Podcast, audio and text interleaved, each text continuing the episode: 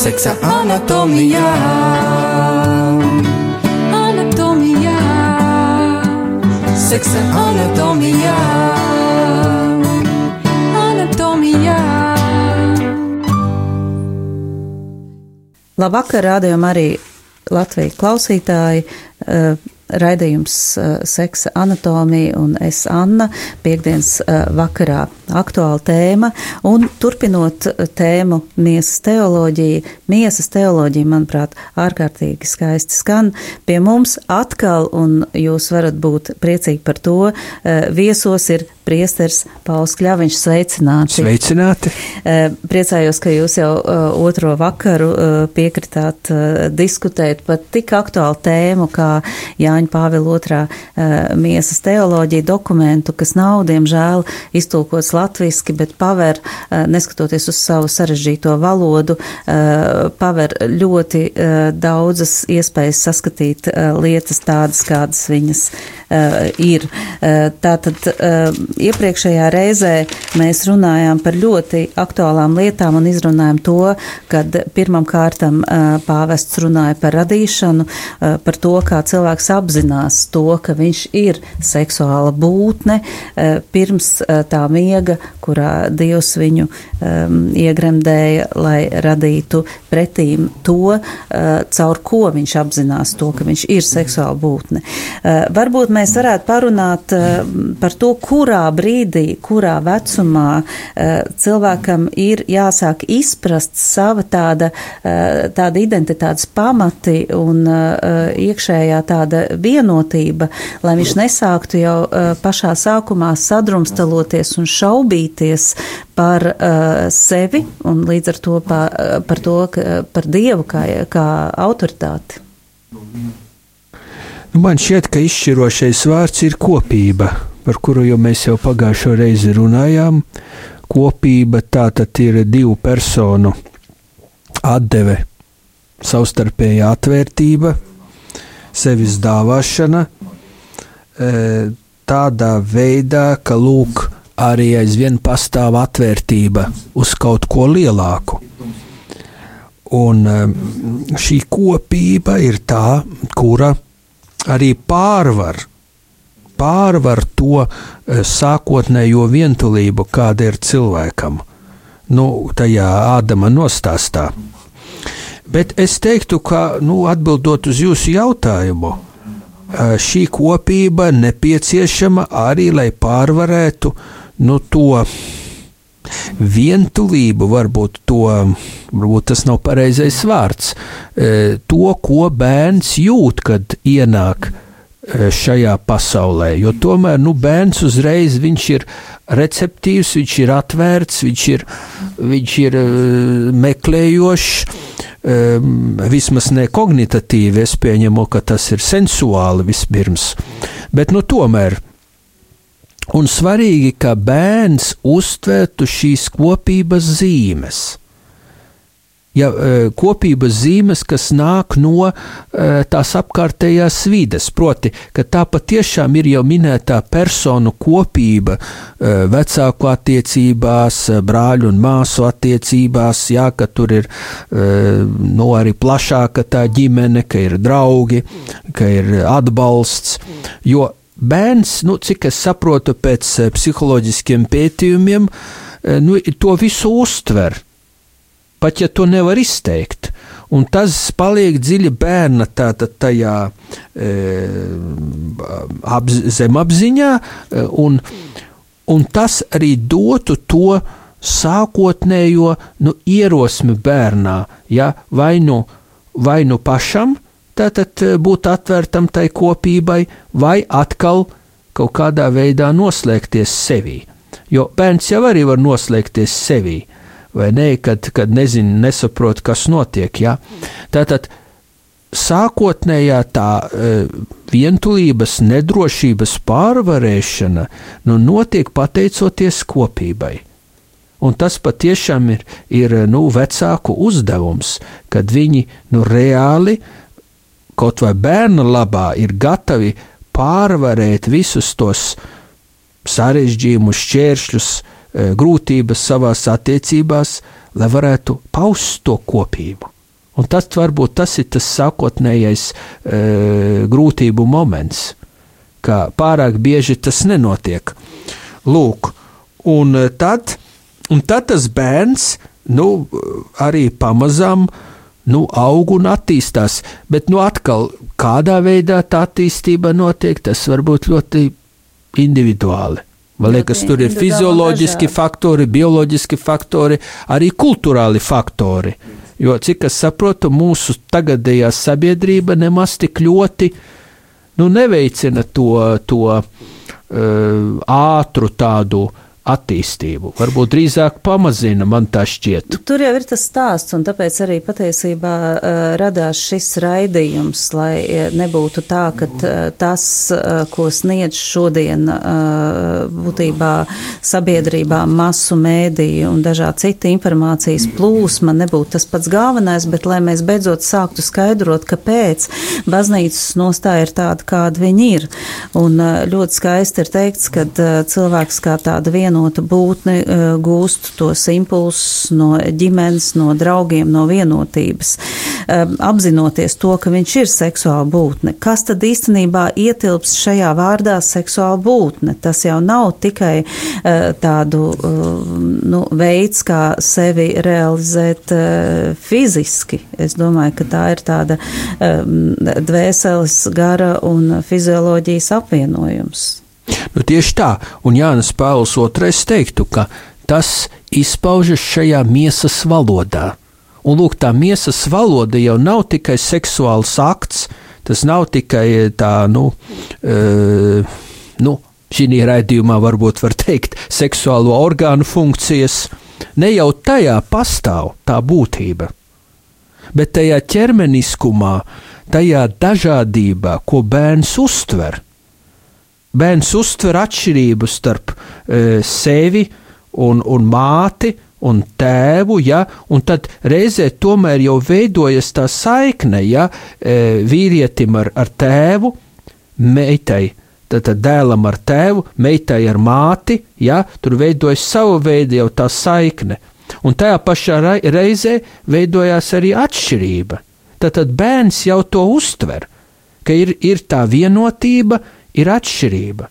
Un bērns jau e, nu, to, e, to sāk e, saka, apzināties. Protams, nevienmēr tas tā notiek, ja, un skola jau to neveicina, diemžēl, daudzos, daudzos gadījumos. Jā, jo, lūk, nu, ne viss notiek vienmēr tik, tik skaidri un skaisti, nu, kā mēs gribētu, ja, jo tur darbojas dažādi faktori. Ja. Tā kā lūk, um, es teiktu, jā, tas ļoti svarīgi, kā apkārtējās uh, personas uh, pauž savu seksualitāti, savu ķermenisko uzvedību. Ja? Un ka tas nav tikai, tikai seksuālās, seksuālu attiecību laikā, tāda kopības laikā, bet arī, kad ir e, nu, vispār cilvēciskā uzvedība, ja, e, sajūto attieksmes, emocionālās attieksmes un tā tālāk, un bērns jau to arī uztver, redz, un es domāju, arī reaģē pozitīvi vai negatīvi. Un šīs negatīvās reakcijas faktiski arī var kļūt par normu, ja mūsdienu tā tādā izpausmes. Nu, tieši tā, sevišķi, ja, ja tas netiek pamanīts, e, ja, uzskata, ka tas nu, kaut kādi citi procesi, piemēram, nu, bērns raud. Nu, īstenībā jau vecāki uzreiz nevar noteikt, kāpēc bērns raud, vai fiziski mm. viņam, viņam e, sāpes, ja, vai varbūt tās ir dvēseles sāpes. Ja, ka cilvēks nu, jūt šo šo var teikt nevis kopību, bet apdraudētības sajūtu. Ja, kad jūt šo neveselīgo, um, garīgo, arī morālo vidi, ja, un arī no tas ļoti traumē bērnu bērna psihi, ja, un arī ietekmē uh, arī šo seksualitāti, nu, apzināšanos par sevi. Tā kā man liekas, ka nu, uz šo jautājumu vairāk var psihologi atbildēt un, un uh, psihoterapeiti, bet man liekas, ka ļoti svarīgi ir tieši šī nu, uzvedības. Uh, uzvedības piemērs, uzvedības modelis, kādu bērns redz. Un lūk, arī vecāki, protams, lielākā daļa atveidot to uzvedības modeli, kādu viņi paši ir pieredzējuši. Nu, tieši tā. Viņi Jā. jau arī nav pieredzējuši ideālo uzvedību. Tieši tā. Un tāpēc jau baznīcas e, uzdevums, tāpēc arī sakramentu, laulības sakramenta uzdevums e, un mērķis ir dot šo žēlastību, dot šo palīdzību, lai varētu dziedināties, lai varētu atjaunoties un lai varētu, kā mēs dažreiz grāmatās lasām, pāraut šo atkarību ķēdi un pat nostādīt sevi jaunās, atbilstošās attiecībās, tā kā Dievs to vēlas. Nevis tā kā mēs to vēlamies, vai tā kā varbūt mēs esam pieraduši to darīt, bet tiešām, ka nu, tieši mums ir jādzīvo tā kā daba, kad, kad, kad, kad Dieva ierakstītie likumi mūsos uh, darbojas. Tā ir tā harmonija ar sevi. Protams, ļoti grūti to uzturēt. To ļoti grūti uzturēt. Manuprāt, eh, ir viens no iemesliem, tikai viens no iemesliem. Šeit es nevaru runāt, protams, par visiem. Ir tā, ka ārkārtīgi daudz cilvēku arī baznīcā esot līdz galam neizprot šos te dievu likumus un varbūt pat viņus nemaz nezin. Tur ir tā lielākā problēma. Jo, piemēram, mūsu raidījumā un arī aptaujā ir eh, pacēlies viens eh, ārkārtīgi būtisks jautājums, vai seks kā tāds ir pamatvajadzība mūsdienās. Nu, tas ir jautājums atkal, ko nozīmē seks. Kas tas ir par attiecībām? Jā. Ja mēs tagad veidojam attiecības viens ar otru, jebkurā līmenī, kaut vai sadzīviskā līmenī, vai tad tur nav klātesošs mūsu dzimums un mūsu dzimuma izpausmes? Jā. Protams, ka ir. Tātad mūsu, šis mūsu dzimums, sievišķība, vīrišķība, vienmēr darbojas kopā. Arī nesen Pāvests Francisks teica, tas viss darbojas kopā. Mēs, nevar, mēs nevaram izvairīties no, no, no, šī, no, šī, no, no šīs realitātes, no šī cilvēciskuma izpausmes. Ja? Jautājums ir cits, kad seksuālās attiecības, teiksim, nu, atkal runājot, kad seksuālo orgānu izmantošana, kad ir atbilstoša un kad nav. Kur ir tā robeža? Lūk, tas ir tas jautājums, ko, kas varbūt ir tas kritiskākais. Ja? Tas, tas ir tas jautājums par robežām, par ko mēs arī runājām vienā no šiem raidījumiem, ja, par seksuālās identitātes dziedināšanu. Kā lai saprot, kurā brīdī manas robežas tiek pārkāptas. Nu, un tās robežas nosaka morālā sirdsapziņa, kuru savukārt nosaka vērtību sistēma, kuru savukārt nosaka mūsu ģimene, mūsu audzināšana, e, to, ko mēs uzskatām par vērtīgu vai nevērtīgu. Un līdz ar to ā, šeit mēs runājam nu, par, principā, par morālo sirdsapziņu, par tām robežām. Jo laulātam, tas, laulātam cilvēkam savstarpējās attiecībās ar otru laulāto būs citas robežas, pusaudzim būs citas. Ja? Un cilvēkam, kurš eh, piemēram eh, ir eh, no, ar homoseksuālu noslieci, būs citas robežas. Katrs, un, un, un principā cilvēkam būtu jābūt brīvam, saprast un zināt, tātad, cik tālu es varu iet savās robežās. Un Un tā ir tā sevis pārvaldīšana. Starp citu, par to pāvests arī runā, ka tā ir e, sevis pārvaldīšana, uz kuru um, nu, mums ir jātiecas pateicoties uh, dieva žēlastībai. Vai pāvis dod arī kaut kādus punktus par to, pēc kuriem mums būtu jāvadās uh, sevis tādā izzināšanas un pārvaldīšanas jomā? Jā, nu viņš runā ļoti vispārīgi. Nu šeit jāsaka, Jānis Pāvils runā ļoti e, filozofiski, bet, nu, piemēram, brīvība. Cilvēkam jāsaglabā brīvība. Tātad mēs zinām daudz atkarību, tas ļoti mazina brīvību. Un cilvēki bieži vien, man liekas, kad jauc atkarību ar brīvību, jā, jo, jo sabiedrībā ir uzskats, es daru, ko gribu, tā ir mana brīvība, bet īstenībā, ja mēs daram, ko gribam bez atbildības par sakām, tad mēs nevaram runāt par brīvību. Nu, tieši tā. Un eh, brīvība vismaz pie Jāņa Pāvila saistīta ar patiesību par to, kas mēs esam. Jā. Tā ir tas viņa dokuments, veritātes splendor, ja, kad ir brīvība saistīta ar patiesību vienmēr. Tātad, bet mums ir jāsaprot, kas tā ir par patiesību. Šeit jau mēs mēģinām arī to, to izprast. Jā, nu un tad, protams, um, likumība, šķīstība kā tikums, šķīstība kā dāvana, un arī savā ziņā gudrība, sirds gudrība, sirds šķīstība. Lūk, uh, nu, tas ir, var teikt, tas nu, etos, ko sauc. Mums ir tāds vārds etos.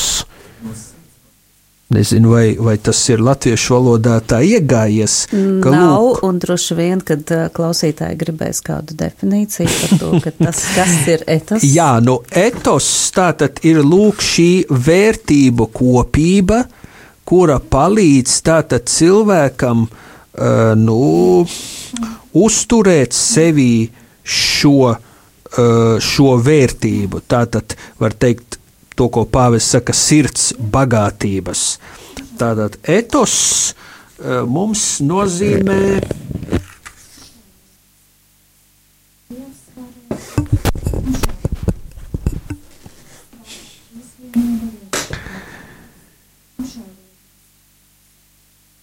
To, kas ir ētisks. Nu, respektīvi, nu, pāvests runā starp, par attiecībām starp erosu, mm -hmm. tātad to, to erotisko mīlestības izpausmi, un etosu, to, kas ir ētisks. Tātad varētu teikt, ka etos nu, savā ziņā ir tā ētisko vērtību uh, sistēma vai kopums, kas palīdz nu, mums atbilstošā līdzsvarā uzturēt šo erosu. Un tātad šo erotisko uh, mīlestību um, tās izpausmēs. Respektīvi, uh, nu, etos būtu mm, tātad šī, šī tieksme pēc tā, kas ir patiess, labs un skaists. Ilgusi satikšanās turpinās mūžīgi. Mazais Samuēls smiltīs spēlējās, tavs smilšu pilis man patīk labāk nekā manējās. Samuēl iemāci mani kā mirkļus pārvērst vieglās kupenās, kas skan kā mūzika. Du-du-du-du, apmēram tā iemāci mani, kā mirkļus pārvērst vieglās kupenās, kas skan kā mūzika.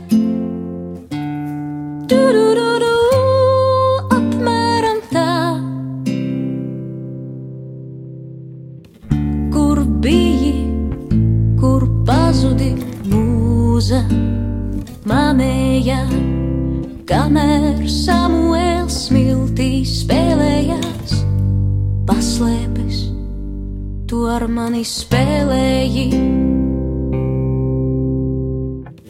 Kur biji, kur pazudi mūza manēja, kamēr Samuēls smiltīs spēlējās, paslēpes, tu ar mani spēlēji.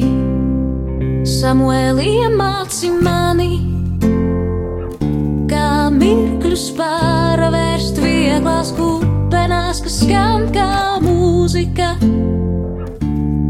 Du, apmēram tā iemāci mani, kā mirkļus pārvērst vieglās kupenās, kas skan kā mūzika.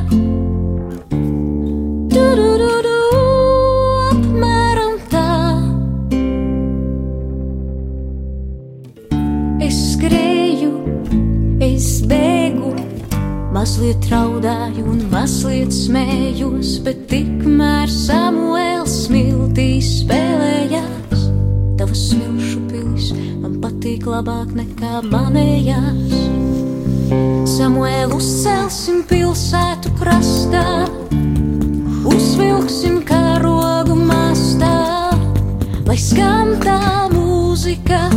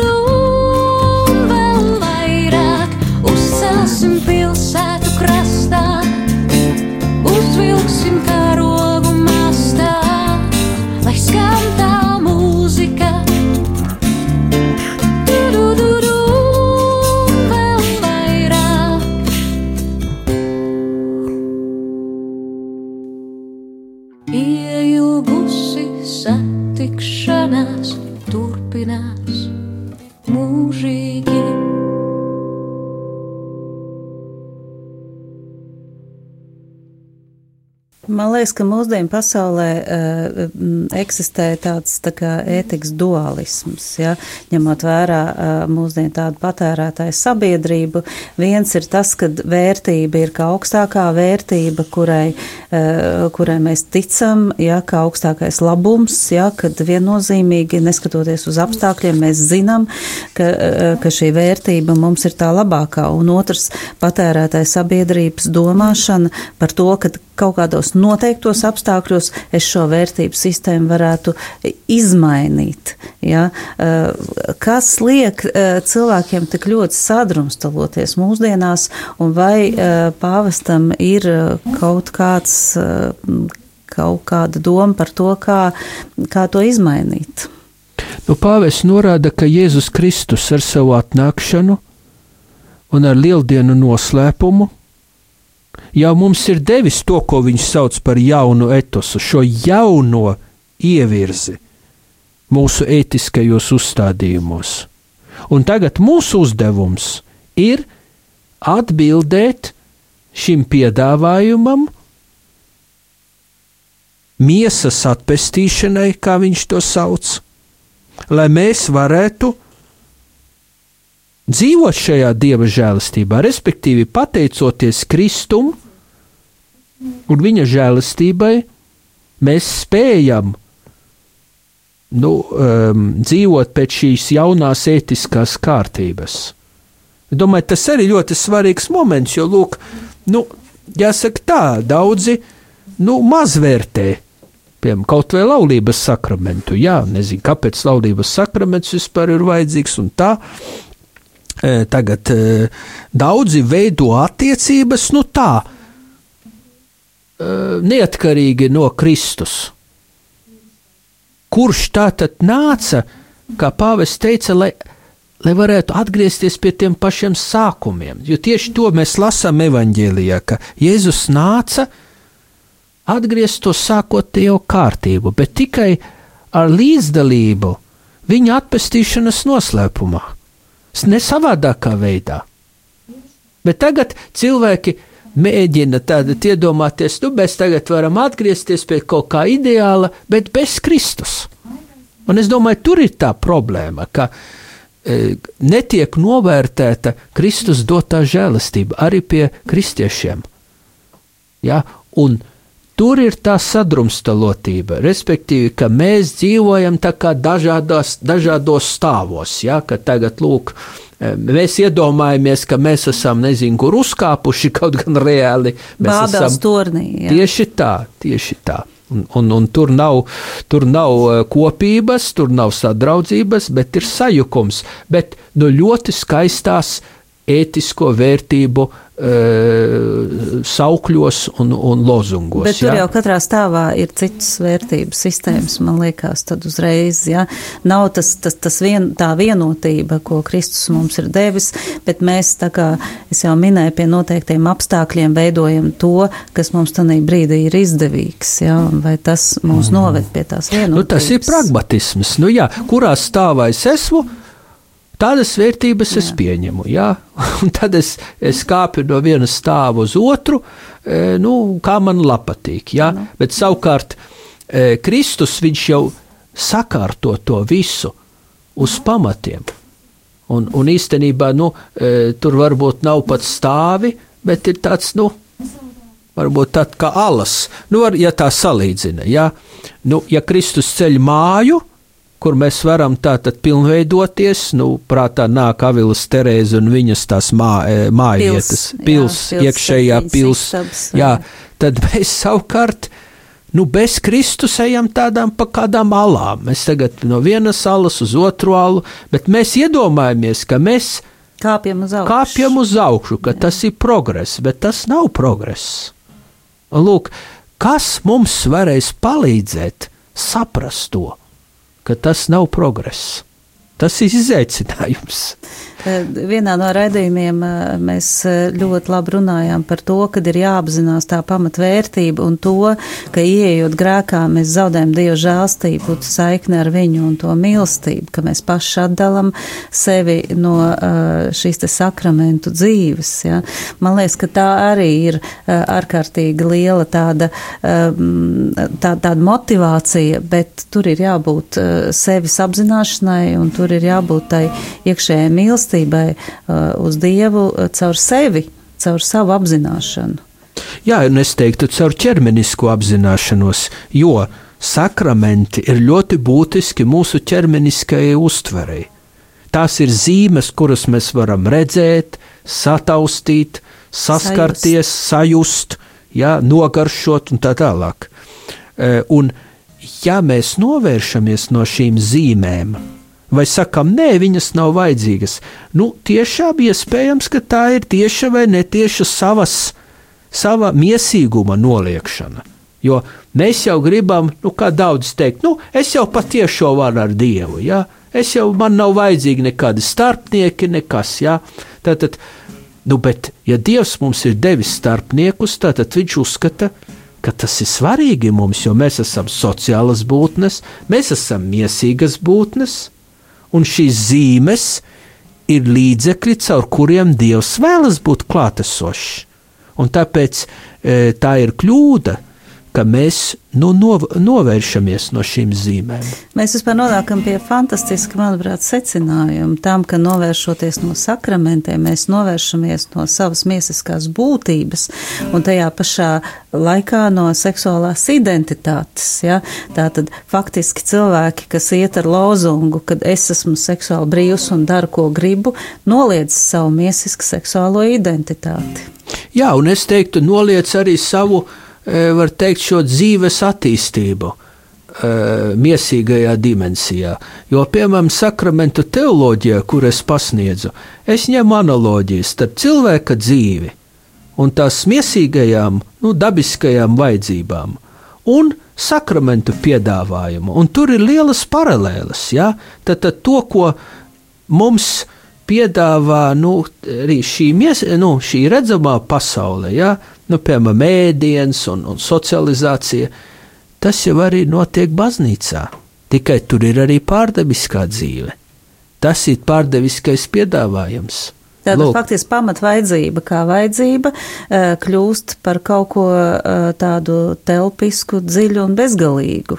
Nu, tieši tā, jo Dievs ienāk tajā. Dievs ir tas izraisītājs tā procesa. Un, protams, ja Dievs ienāk, nu, Protams, ka tam ir, tam ir milzīga, eh, milzīga tā eh, vērtība un arī eh, milzīgs pavērsiens.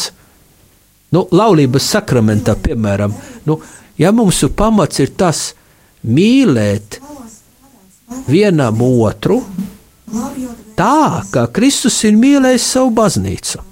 Nu, tā mēs varam iedomāties to lielo apmēru. Vai tad kāds no mums var tā mīlēt? Es domāju, ka mēs pat nevaram iedomāties to, jo Dieva mīlestība ir tik liela, ka mūsu robežas, eh, nu, man liekas, mums ir jābūt pietiekami pazemīgiem, lai saprastu, ka mūsu robeža ir pa šauru, lai vispār to pat bezgalībā aptvertu. Nu, tieši tā, bet sakraments lūk, ietver mūsu to trauslumu, mūsu šaurumu, mūsu vājumu tajā lielajā bezgalībā, tajā lielajā dieva mīlestības uh, okeānā. Tas to ietver, un tāpēc mēs, bet ne jau tagad tikai mani, bet ietver visus mūs. Un tad, lūk, tur parādās sakramenta nozīme.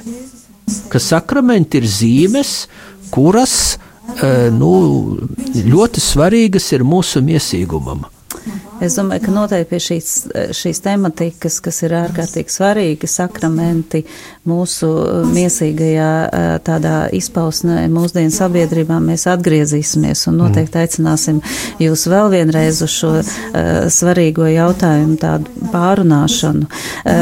Es domāju, ka šajā raidījumā mēs varētu runāt vēl par vienu ārkārtīgi svarīgu lietu, un tas būtu tāds termins šķīstība, jo nevienmēr šķīstība nosaka to, ka mums nav fiziskas vai seksuālas attiecības ar otru cilvēku. Šķīstība ietver mūsu viengabalainību saskaņā eh, vai eh, saskarsmē ar kādu eh, noteiktu, noteiktā, tā, noteiktās robežās.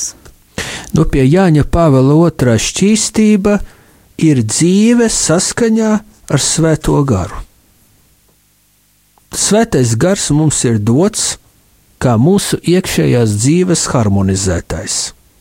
Un es teiktu, tā nu, arī katehisms par to runā, ka lūk, šķīstības tīkums ir tas, kurš harmonizē, saskaņo mūsos, tātad visas tās mūsu uh, nu, miesīgās, uh, garīgās, nu, šeit negribētu tā sadalīt, nu, var sakot, uh, cilvēciskās, personiskās vēlmes. Viņas sakārto un harmonizē tā, ka mēs neļaujam ar dieva žēlstības palīdzību līdz zināmam brīdim vismaz uh, nu, tām grēcīgajām tieksmēm dominēt. Un tas, protams, sākās ne tikai vienkārši, nu, var teikt, instinktu līmenī, bet tas sākās cilvēka prāta līmenī. Tas dod tādu um, es teiktu, eh, tīru to skatu pret to otru cilvēku. Jā. Un arī pret sevi droši. Un arī vien. pret sevi, jā. Un, un līdz ar to eh, nu, Dieva žēlastība eh, var palīdzēt saka, cilvēkam nu, dzīvot tiešām šajā nu, iekšējā harmonijā. Protams, tas var izjukt dažādu iemeslu dēļ, vājumu dēļ, un arī, arī ieradumu dēļ, vai kaut kāda ārēju apstākļu dēļ, bet nu, šķīstība ir liels, ļoti svarīgs tikums.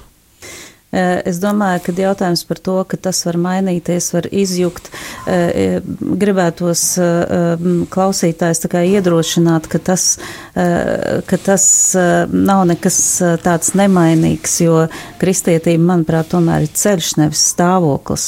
Un ja mēs tomēr izkrītam vai mums kaut kas izjūg, mums vienmēr ir iespēja atgriezties pie Kristus žēlstības un svētā, svētā gara tādas tā kā vadības. Tā es domāju. Nu, Pāvis saka tā, ka šķīstība ir mīlestības prasības.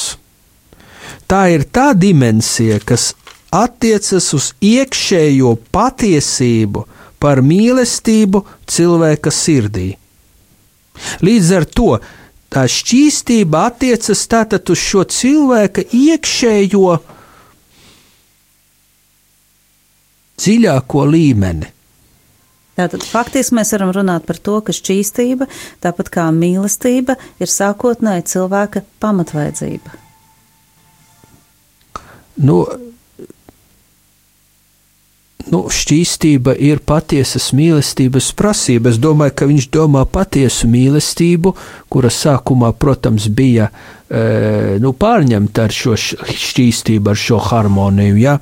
Bet, nu, mm, egocentriskā mīlestībā jau nebūs arī šķīstība, vai drīzāk teikt tā, ka varbūt egocentriska mīlestība ļoti ātri e, to, to mīlestību izskaustu. Nu, viņš runā tā, nu, tas, protams, ir sarežģīti, ka tas attiecas uz subjektivitāti. Šādi vientulībā izpaužas viņa aicinājums uz kopību, aicinājums uz mīlestību, un tad sirds šķīstība galu galā izskaidrojama ar attiecībām ar otru subjektu, kurš ir sākotnēji un nemainīgi līdzsaukts. Nu, šķiet, līdzsauks, kā tas otrs cilvēks, kā būtu Ādams un Ieva, viņi tāpat ir līdzi saukti, kopīgi saukti, dzīvot personu kopībā. Tātad šī šķīstība ļāva, piemēram, tam pirmajam pārim piedzīvot kailumu bez kauna. Tātad faktiski būt, būt attiecībās bez uh, kauna. Tā varētu teikt. Jā, Kurās jā. attiecībās? Miesas, miesas, miesas nu, psihosomatiskās, ķermeniskās attiecībās, jā, jo, jā. nu, Ādam un Ievas, tātad tās attiecības, nu, viņas bija, vis, visa, caur ķermeni izpaudās, visa tā viņu. Visaptverošas, faktiski. Jā, visaptverošas, jā. Visaptverošas, kas ietvera sievišķību un vīrišķību. Jā. Un, un tad viņš saka, pāvests, ka šķīstība ir tā, ko vīrietis un sieviete pazaudēja grēka dēļ, un to Kristus nāca atjaunot mūsu sirdīs. Tātad Kristus nāca atjaunot mūsu sirdīs. Tad, tad atkal, ja mēs pieņemam Kristu, ja mēs pieņemam tos viņa līdzekļus, tad atjaunojas šī šķīstība. Nu, arī droši vien, ka ārkārtīgi pakāpeniski tas notiek, ka tas nenotiek vienā dienā. Mums ir eh, ļoti jācīnās ar to, kāda ir bijusi mūsu audzināšana, kāda bijusi mūsu izpratne, ko šodien piedāvā sabiedrība, ja, jo uh, mēs negribam stāvēt pretīm un uh, noliegt kaut kādas lietas, bet gan šajā raidījumā dod pilnu un patiesu informāciju par to, kādēļ baznīca mums uh, dod uh, tā to vērtību un tās, eh, to virzienu, kā, kādu dot. Ja? Tātad pilna informācija par to, lai cilvēks varētu eh, nevis cīnīties eh, un domāt, kas ir pareizi ja? vai nepareizi, bet gan ņemot vērā pilnu informāciju, izvēlēties, balstoties uz savu iekšējo varbūt sajūtu. Nu, jā, es, es domāju, ka eh, klausītājiem jau nu, eh, caur šiem raidījumiem eh, nu, patiesība apgaismo to sirdsapziņas procesu, un tad arī, tad arī ir vieglāk nu, pieņemt, lēmumus. pieņemt lēmumu, piemēram, nožēlot un, un, un iet pie grēku sūdzes un, un, un un nolemt atteikties no kaut kā, ja ir brīvība, ja, ja, ja nav atkarība. Jo, diemžēl, atkarības tas, tas tās ļoti sasaista cilvēku. Nu, piemēram, no interneta tur lapām dažādām. No internetu lapām droši vien, kad eh, no uh, seksa kā tāda, ja, ja mēs nerunājam par to kopību ar otru cilvēku, bet vienkārši par tādu atkarību no tādas seksuālas baudas. Uh, vēl viena ļoti svarīga lieta, kas ir parādījusies varbūt aptaujām mūsu raidījuma laikā, ir uh, tas, uh, kā tikt vaļā no tā kauna, lai grēksūdzē uh, atklāt runātu par savām problēmām. Un uh, vēl viena lieta, ar ko es esmu saskārusies, runājot ar cilvēkiem, ka viņiem ir kauns runāt ar uh, garīgās kārtas pārstāvjiem par tieši par seksu un par seksuālām tādām lietām. Ko jūs viņiem ieteiktu? Nu, es ieteiktu, nu, izmantot arī kristīgos psihoterapeitus, ja tādi atrodami. Jā, ja ļoti nu, cilvēkam ir kauns par to runāt. Bet, nu, atklāties jau noteikti vajag. Nu, es domāju, ka cilvēkiem vairāk ir bail no noraidīšanas un no tā, ka viņi netiks saprasti. Jā, jo, ja cilvēks nāk tagad un tiek noraidīts, vai jūt, ka nav saprasts, tad tas vēl dziļāk ievaino.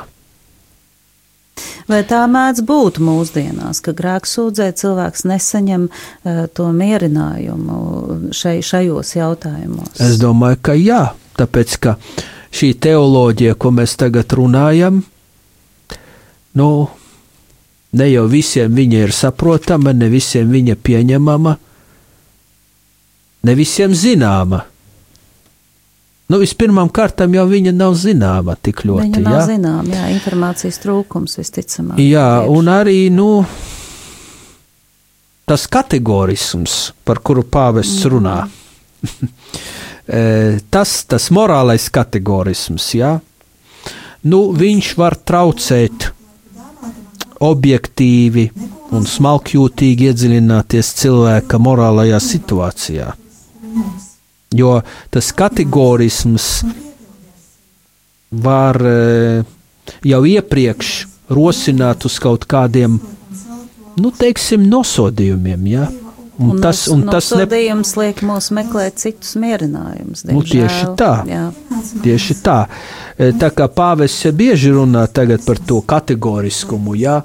vai tādu saspīlētu, e, saspīlētu pieeju. Nu, es nezinu, latviešu valodā mums arī trūkst jēdzienu, ja? kas sauc rigidity. Angļu valodā rigidity. Tātad varbūt tas ir tāds kategorisms, e, kurš objektīvi būtu pieņemams, bet subjektīvi izvērtējot ļoti traucējošs. Jā.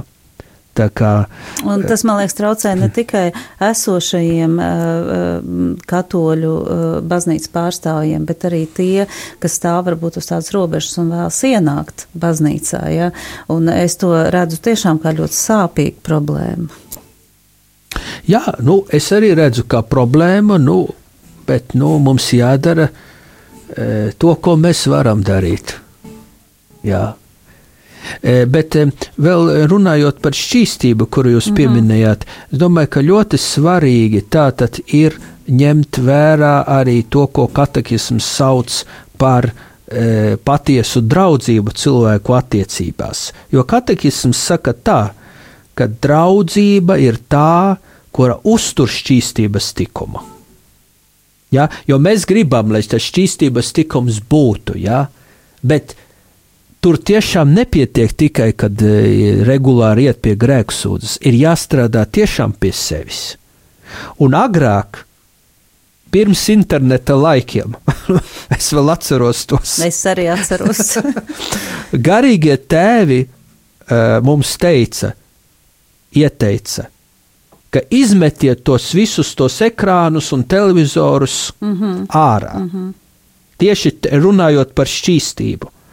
Nu, mēs esam nonākuši līdz tādai situācijai, mēs nevaram Mēs teikt nevaram. cilvēkiem, atsakieties no interneta. Nav iespējams, Ja? jaunā paudze tas Tieši ir tā, savādāk. tieši tā. Un šeit ir jārunā tiešām par to atbildīgu, brīvu interneta izmantošanu. Nu, man liekas, ka tas ir svarīgi iemācīt cilvēkiem eh, domāt un šķirot šo informāciju. Saprast, kura ir derīga un kura nav derīga, kā viņu interpretēt, jā, redzēt skaidri un patiesi, nevis pieņemt visu, kas tur internetā ir sarakstīts. Bet lielākā daļa to neprot un nevar. Tāpēc, Tīri objektīvi. nemāca, Un nemāca, nemāca. bet arī bērni jau ir pakļauti šīm interneta lapām. Un tagad arī nesen pāvests uzstājās ar runu, ļoti svarīgu runu, eh, pirms kādas nedēļas vai divām, em, par bērna cieņu digitālā pasaulē. Un tur viņš norādīja, ka šis ir globāls fenomens. Un, un tas ir jārisina, bet ļoti grūti to atrisināt, jo tas pārsniedz kaut kādas vienas valsts līmeni. Bet to, ka bērni ir kas ir pilnīgi padoti visam tam, kas ir internetā piedāvāts, nu, tas ir fakts. Un, diemžēl tas ļoti negatīvi iespaido eh, šo cilvēku uztveri par savu dzīvumu. Tāpēc jau mums ir aizvien vairāk un vairāk jārunā par to, jādod tā pilnā informācija par to, kas ir kas, lai izlasot eh, kaut vai vienu teikumu internetā, mēs saprotam, uz kuru pusi tas velk un kur tas attiecās eh, caur mums pašiem. Eh, Mūsu raidījums un arī šis vakars, eh, diemžēl, tuvojās beigām. Es ļoti ceru, ka um, Pauls Kļaviņš eh, vēlreiz eh, pie mums, eh, pie mums būs un, un, un stāstīs par ārkārtīgi svarīgām lietām. Um, Lielas paldies jums par Lūdzu, paldies! Paldies par ielūgumu! Un paldies Radio Marija Latvija klausītāji līdz nākamajam raidījumam. Visu labu!